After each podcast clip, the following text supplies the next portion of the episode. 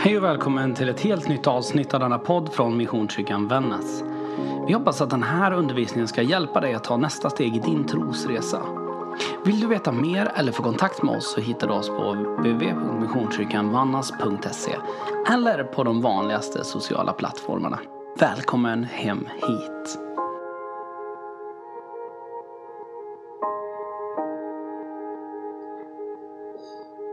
Varje gång vid jul när den här scenen byggs upp så tänker man, alltså det blir rätt häftigt med det. Varje gång i, i januari när den är kvar så känner man, det ska bli gött att bli av med den.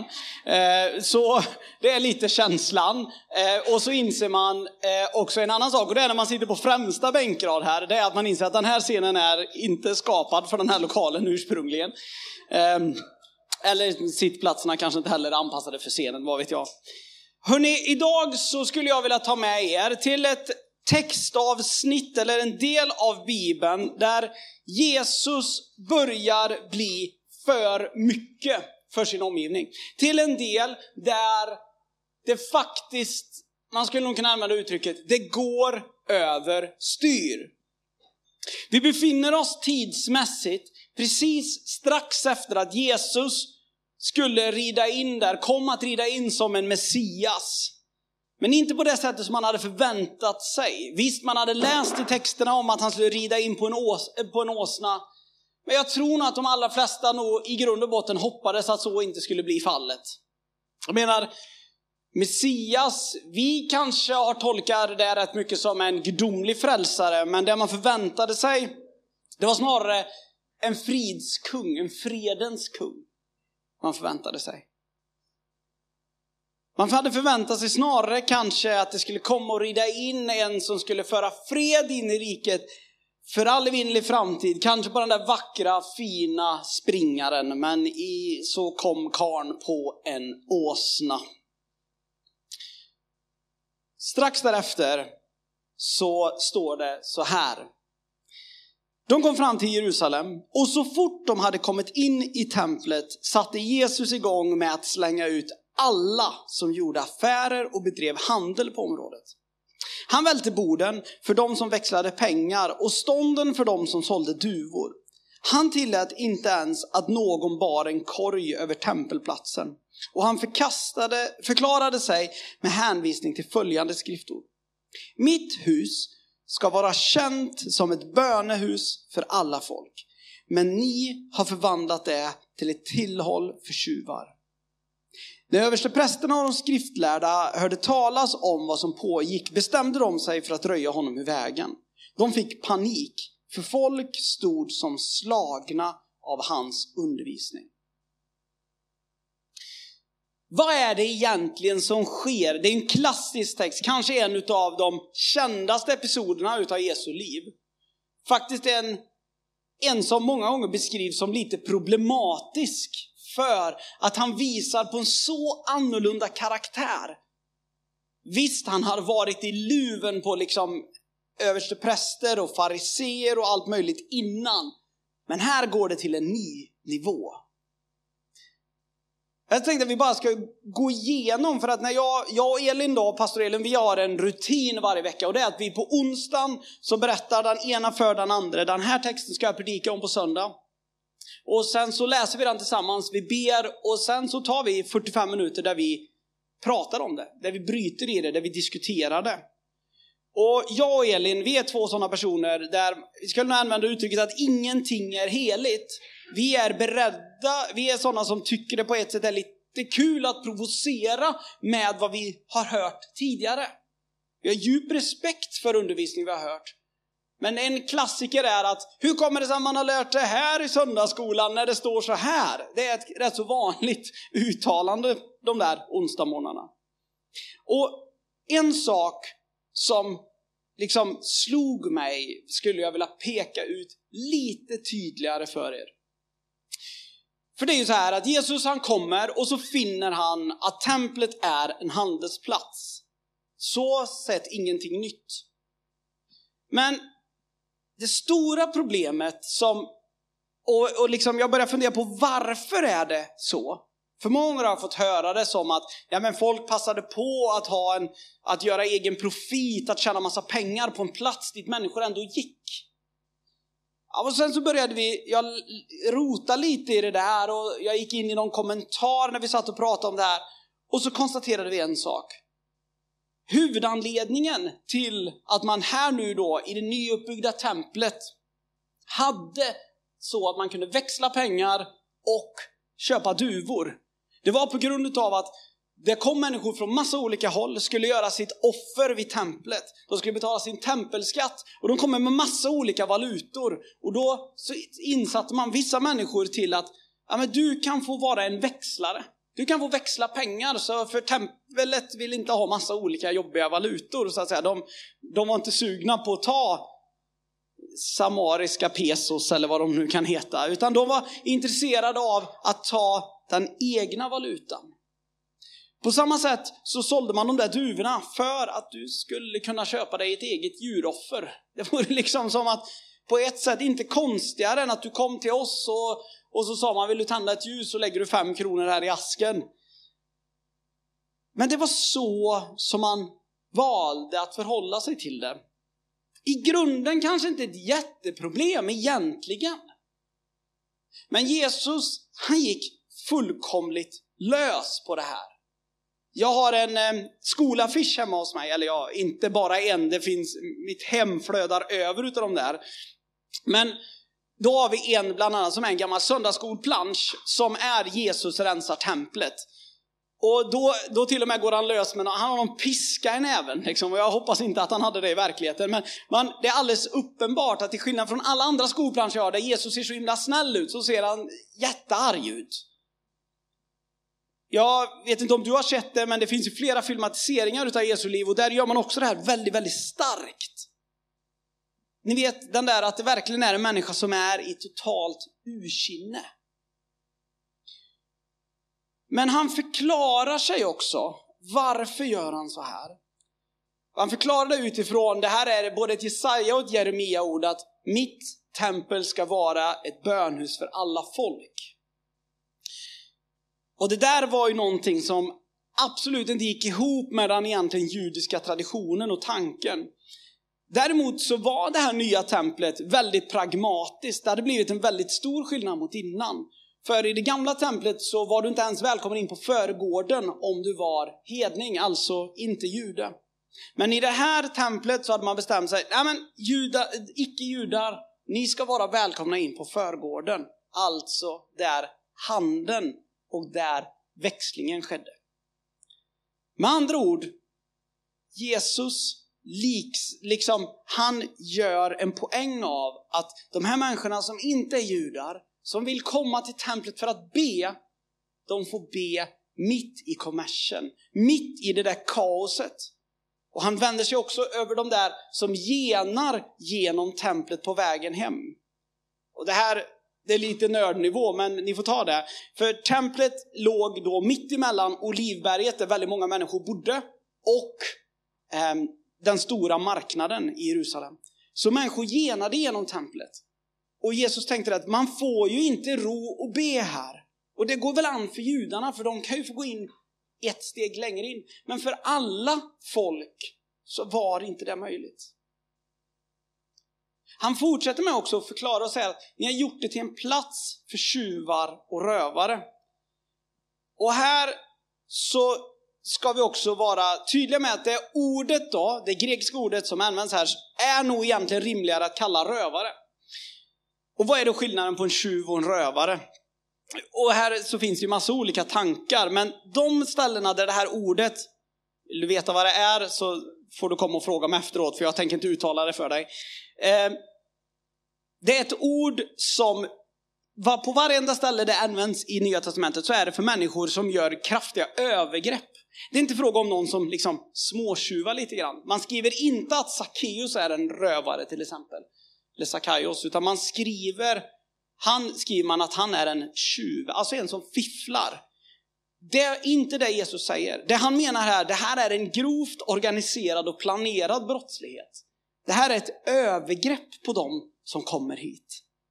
Det är inte någonting som bara blir. på många vis så börjar det ju klarna att det Jesus rasar emot är ju på många vis rätt rimligt.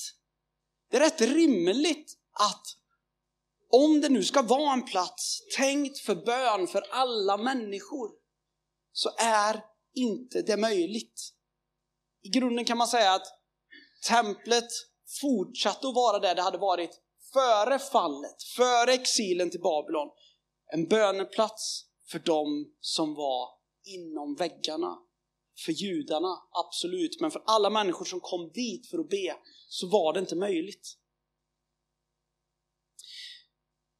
Slutligen så får vi veta att översteprästerna, och det här är första gången det skrivs och beskrivs att de blev rädda för honom. Och i grunden så ska vi säga det, vad är det här för en figur i deras värld? Misstänker de att han är Messias? Eller vad är det de, vad är det som sker? Ja, för oss så är det ju inte så konstigt när han talar om sig själv som Guds son eller sänd av Gud och så vidare. För oss så är det rätt rimligt. Men återigen, vad var det judarna väntade på? Jo, man väntade på en fridskonung, en Messias. Man väntade inte på att Gud skulle föda sin krubba och komma och kalla sig för Guds son. Absolut inte. Någon har använt uttrycket att det finns ingen religion på jorden som är så monoteistisk, alltså bara pekar på att det finns bara en enda gud som judendomen. Det var inte så att någon människa kunde komma och prata om det här. Han var snarare en politisk och religiös oro. Han var en riskpersonlighet. Och på svenska så använder vi egentligen i alla översättningar, på, i rätt många år så har man använt uttrycket att man ville röja undan honom. Och det skulle jag säga är ett rätt så fint ord. Nu ska jag, ni få höra ett uttal på ett grekiskt ord, för det ordet som står är apoloison. Och apoloison betyder kort och gott förgöra. Det de ville göra var att förgöra honom. Det var inte att kollra bort honom. Det var inte att bara röja bort honom liksom så att folk glömmer av lite grann. De ville fullkomligt förgöra honom. De var livrädda för vad karn skulle ställa till med. Och här tror jag att det också är viktigt att förstå att de kom till en punkt där de insåg, nu går det inte längre.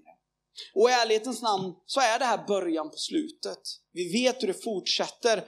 Texten jag läste var ifrån Markus evangeliet och eh, vi har kommit ungefär två tredjedelar in i Markus evangeliet. Den sista tredjedelen berättar bara om de sista veckorna utav hans liv. Om det som leder fram till påsken. Jesus, han var på väg att göra någonting nytt. I grunden kan man säga att det han reste upp mot templet där, det han reste upp mot makteliten där, det var början på det som, vi, som sen fick sin fullbordan när duken in till det, all, förhänget in till det allra heligaste brast på påskdagen. När, eller på, på långfredagen, när allting helt plötsligt blev så att alla människor kunde innefattas i det här. Det här var början, det här var föraningen. Jesus han ville skapa någonting helt nytt. Han ville visa på en helt ny väg. Och i grunden så blir det utmanande. Och jag kan inte annat, och det här kanske kan låta konstigt nu. Ska pastorn stå och säga det här, men jag säger det ändå. Jag kan faktiskt lida lite med de skriftlärda. Jag kan faktiskt lida en del med de överste prästerna. Överste prästerna och de skriftlärda försökte leva så gott de kunde efter lagen. De försökte upprätthålla en religiös ordning enligt Toran, enligt den judiska traditionen. De försökte bara att människor inte skulle gå för långt. De ville bara försöka så att människor, att, man, att mänskligheten inte skulle behöva uppleva en syndaflod till. De ville bara hålla, de ville bara ha lite form av ordning. Vi måste komma ihåg, de skriftlärda var inte ofromma människor. Det var inte människor som bara var onda som bara, ah, nu skapar vi profit här. Det är inte människor som bara, nej men låt oss göra om kyrkan till en handelsplats. Låt oss göra liksom missionskyrkan till Avion. Nej, nej, nej, det var inte det. De försökte bara hålla lite ordning. Problemet var att de stirrade in sig på fel saker. Och hej, här vill jag ta med dig till in i vår tid. För jag tror att du och jag ibland, eller jag, jag ska kanske inte uttala mig om dig, men jag kan uttala mig utifrån mig själv. Jag kan känna igen mig rätt mycket i de skriftlärda ibland i mitt liv. Där jag stirrar mig blind på vissa saker. Det kan vara en mängd olika saker.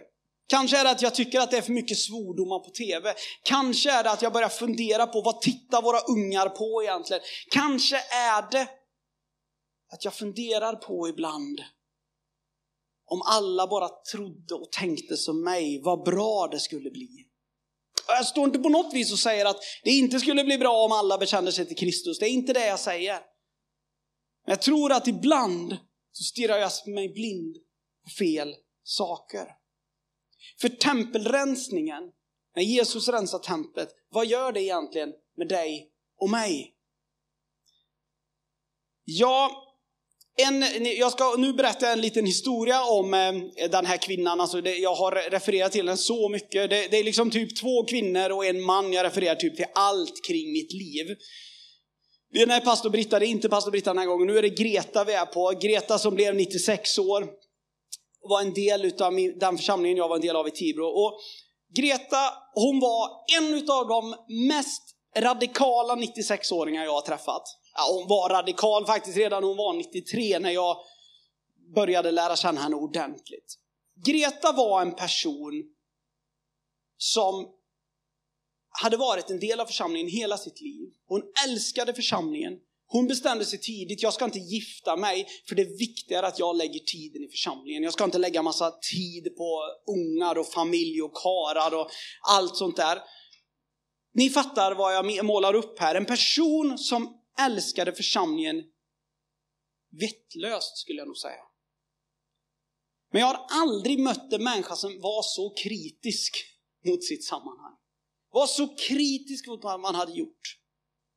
Jag kommer aldrig glömma när jag berättade för henne, en, vi hade på tonår så hade vi eh, ja, men, låt säga så här, i Tibro så det var inte alltid man hade full respekt för kyrksalen så kan vi säga. Så vi, och vi, alltså kyrksalen var väldigt stor i Tibro, den var perfekt att flyga modellflygplan i till exempel om man hade så här små.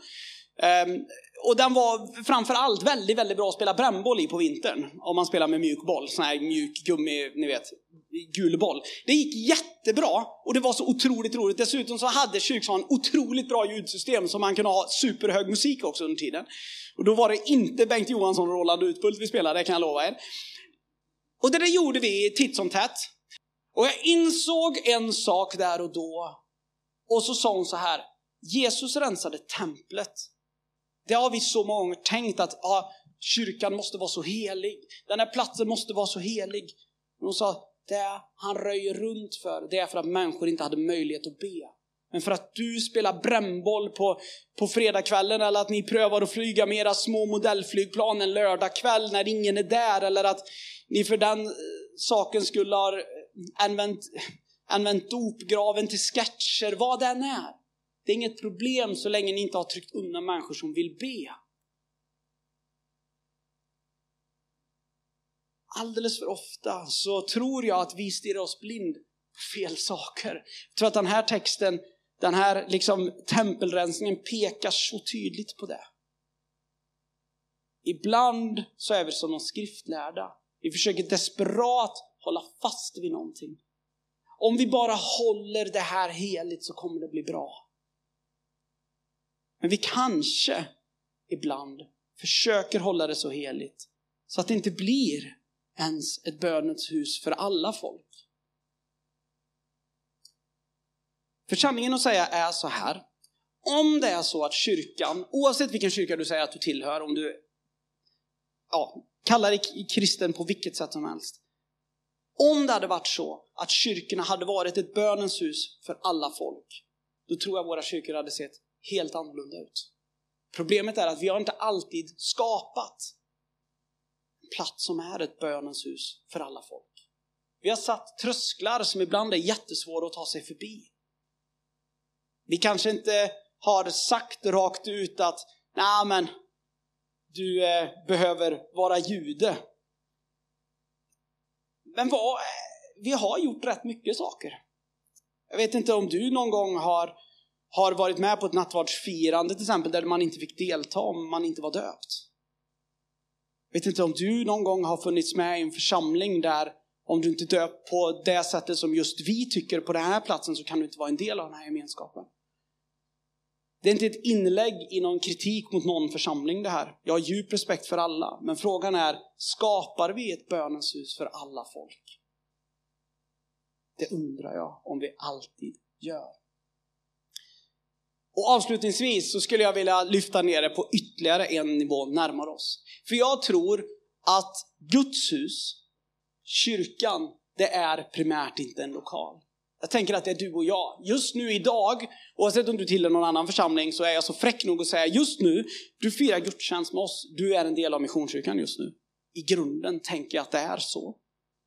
Det är du och jag, det är våra liv, och jag undrar, hur gör vi, eller om jag ska vara personlig då, hur gör du i ditt liv för att inte stå i vägen när andra människor behöver en plats att be på?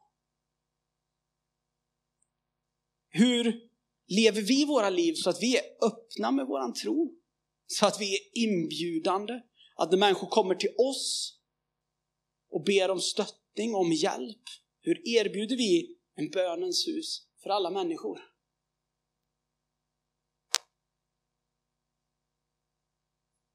För eh, två år sedan så var det en människa som kontaktade mig utifrån att jag är pastor.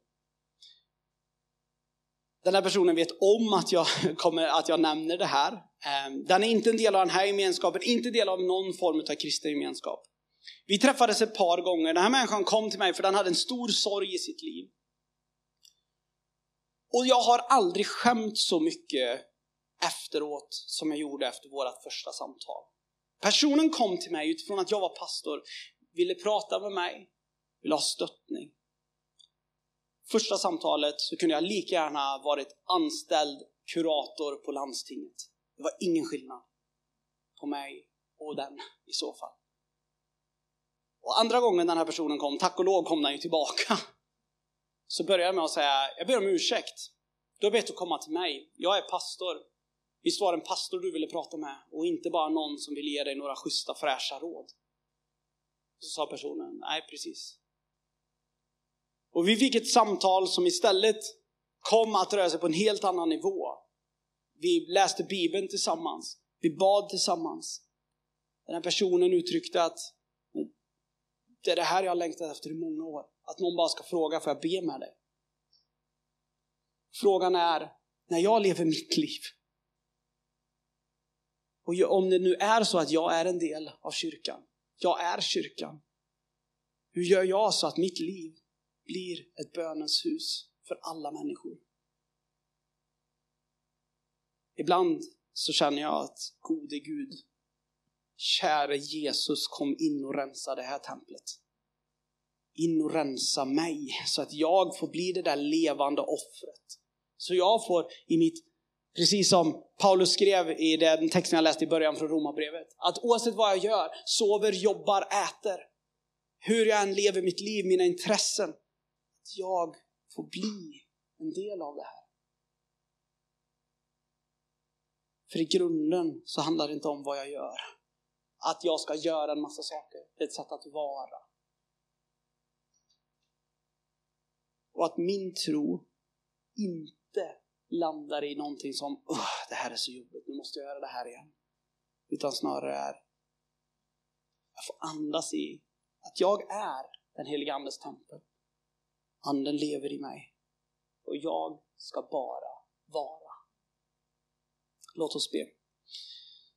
Herre, tack för ditt rensande av templet och tack för vad det kan innebära för oss. Herre, jag ber att du ska påminna oss om vad som är viktigt i livet. Herre, jag ber att du ska hjälpa oss att göra oss till ett bönens hus för alla folk, var och en av oss. Herre, tack för att du är så stor på nåd. Din kärlek är så stor. Herre, jag ber att vi ska få vara utgivare bara av den kärleken. att din kärlek bara ska stråla genom oss. Herre, tack för att din godhet är så stor. Men att den godheten som du har gett till oss inte är tänkt att den bara ska stanna vid mig, utan att den ska få skina vidare. Herre, hjälp oss att inte stirra oss blinda. Herre, hjälp oss att vara lite modigare än de skriftlärda. Att våga se på världen på ett lite annat sätt.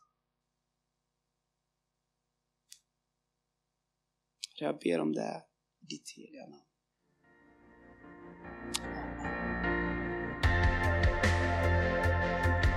Hej, det här är pastor Johan och jag hoppas att den här podden har fått betyda någonting för dig.